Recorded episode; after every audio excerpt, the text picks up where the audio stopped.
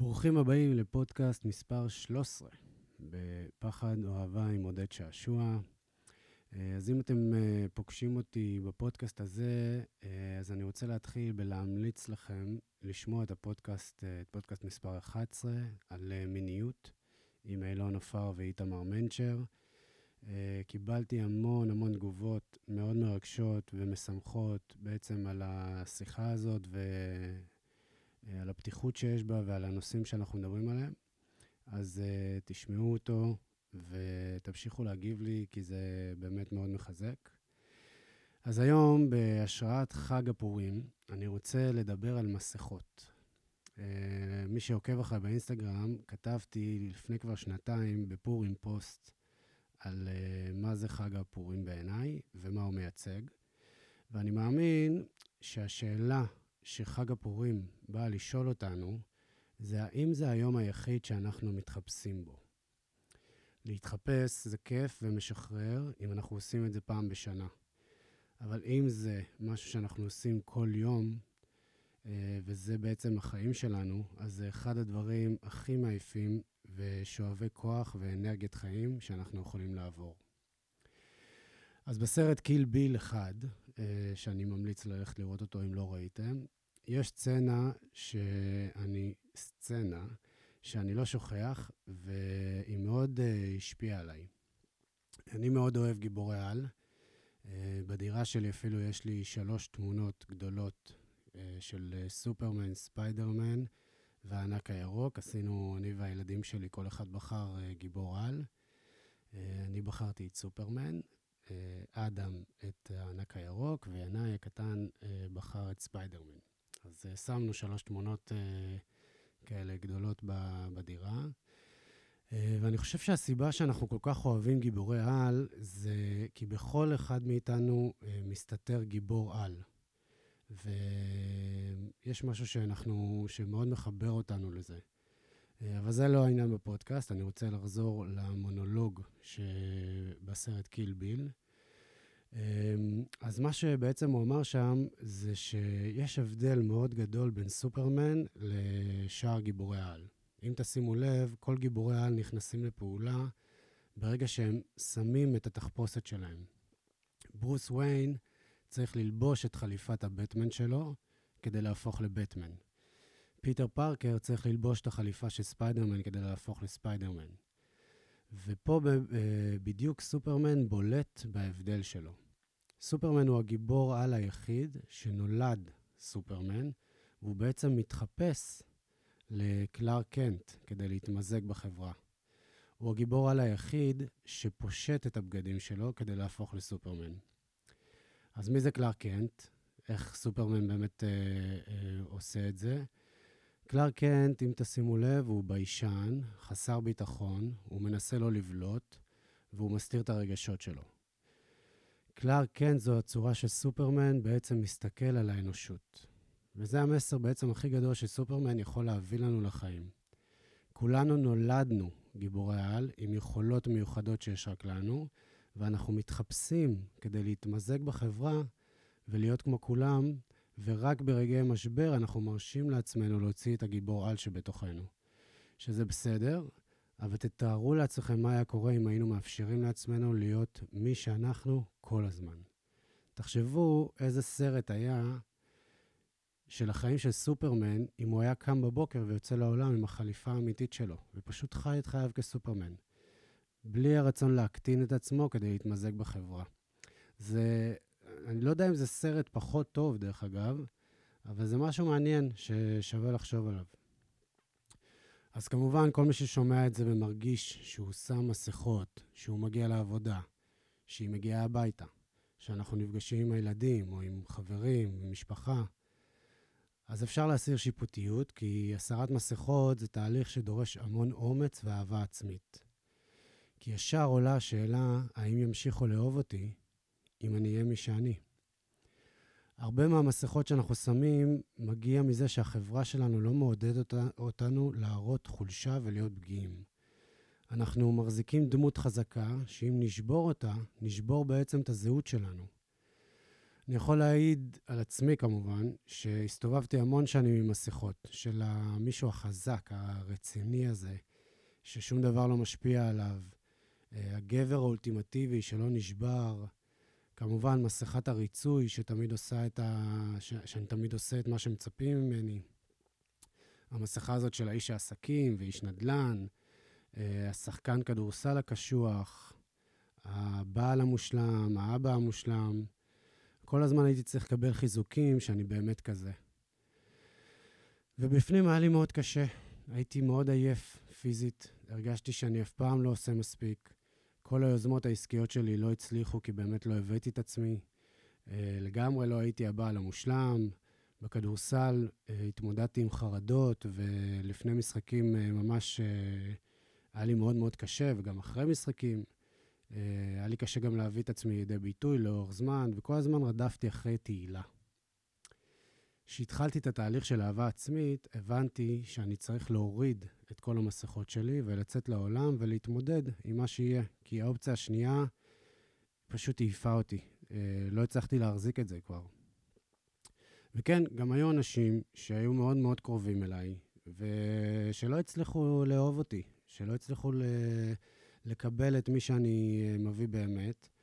Uh, ברגע שהפסקתי לרצות, אז uh, זה גם, זה משהו שהיה מאוד מאוד קשה לאנשים שהיו רגילים לקבל אותי בן אדם מרצה. Uh, וקיבלתי את זה.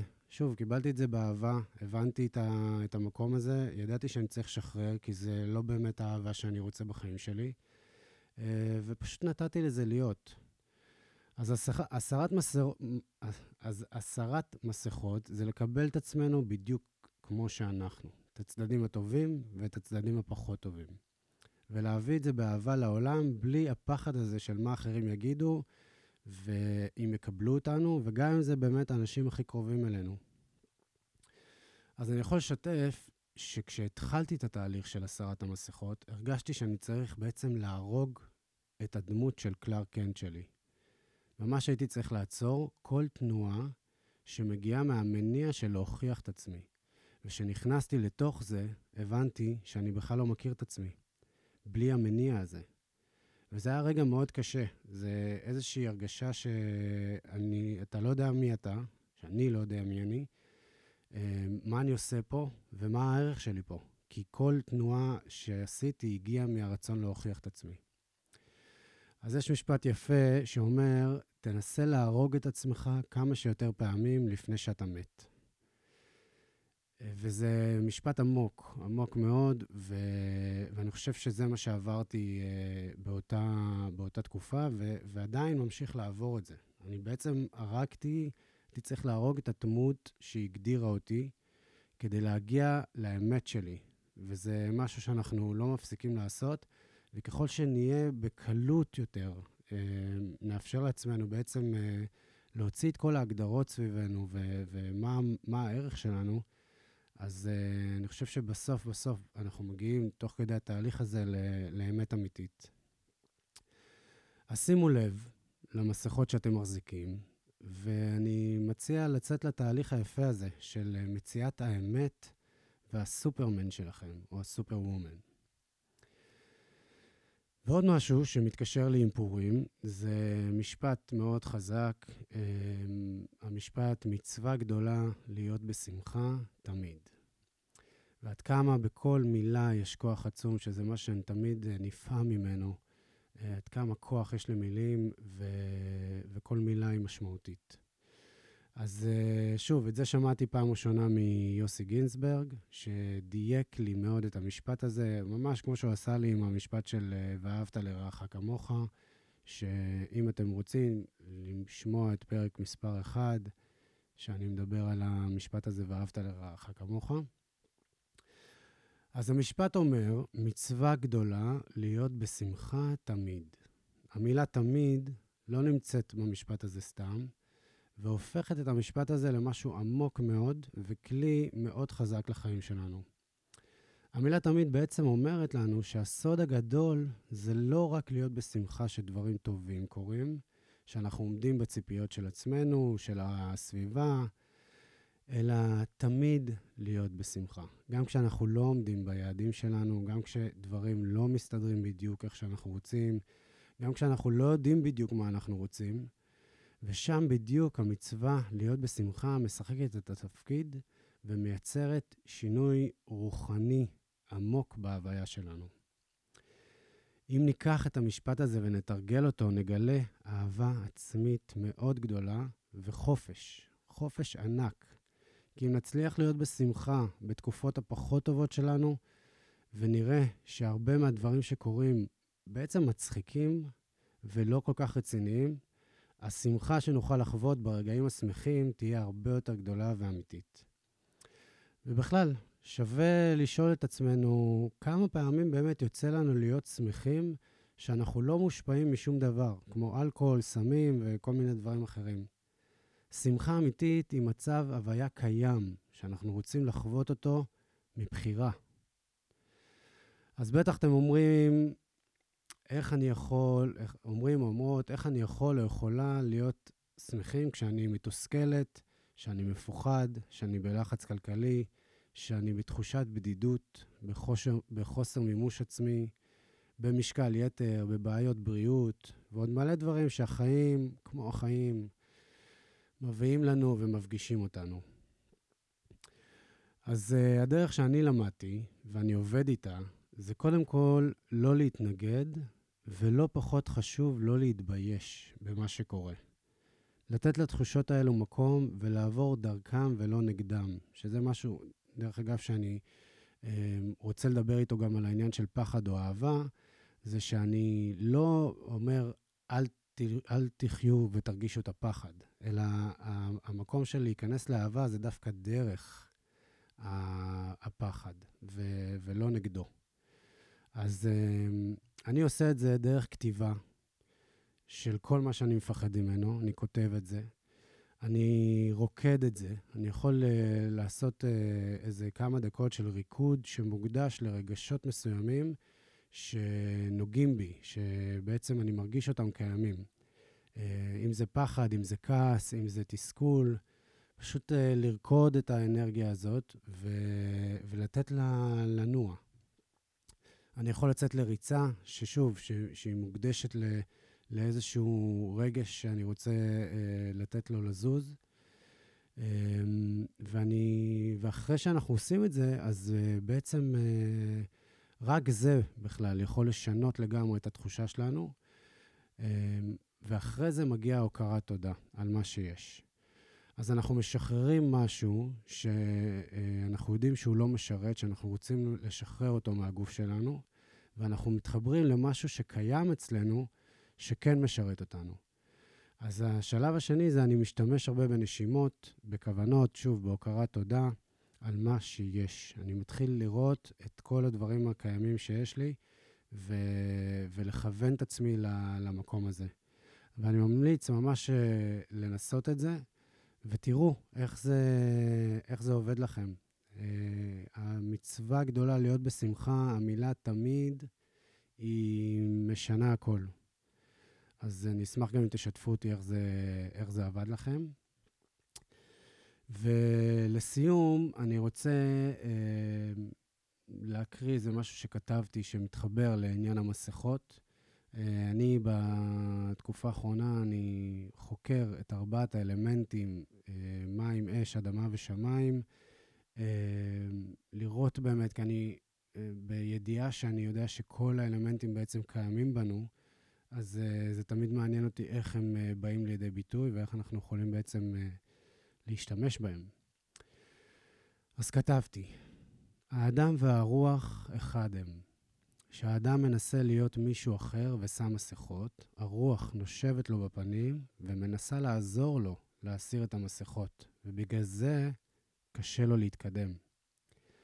אבל כשהאדם חי באותנטיות, ללא מסכות, ומביא את עצמו, הרוח נושבת לו בגבו ועוזרת לו ברגעיו, ברגעיו המאתגרים. אמ, מעניין, מעניין, מעניין. אני יכול להגיד גם בניסיון אישי שכשהתחלתי, ואני עובר את זה עדיין, אמ, להביא את עצמי ו- ולהיות קשוב לעצמי, אז uh, תמיד קיבלתי עזרה, uh, גם אם לא ביקשתי אפילו, הייתי פשוט, uh, הרוח הייתה בגבי, ו... וזה, וזה מעניין וזה יפה. אז זהו, פרק קצר אה, בחסות פורים, אה, לא בחסות פורים, בהשראת פורים. אה, והפרק הזה הוא בחסות עצמי. אה, אני עוזר לאנשים לעבור אה, את תהליך הסרת המסכות ולצאת לעולם זקופים ואמיתיים. זה תהליך, דרך אגב, שחשוב שיהיה בו ליווי, גם אם זה לא אני. אה, אבל כן צריך, וזה באמת חשוב שיהיה מישהו ש... שידע להחזיק את זה ו... ולעזור לכם ברגעים האלה. ובמידה ואתם רוצים לעשות את זה איתי, אז uh, תשלחו לי הודעה באינסטגרם שלי, שזה coach, קו תחתון, עודד, ואנחנו נתקדם משם. תמשיכו לבחור באהבה ולשתף אותי במסע שלכם. אוהב אתכם תמיד.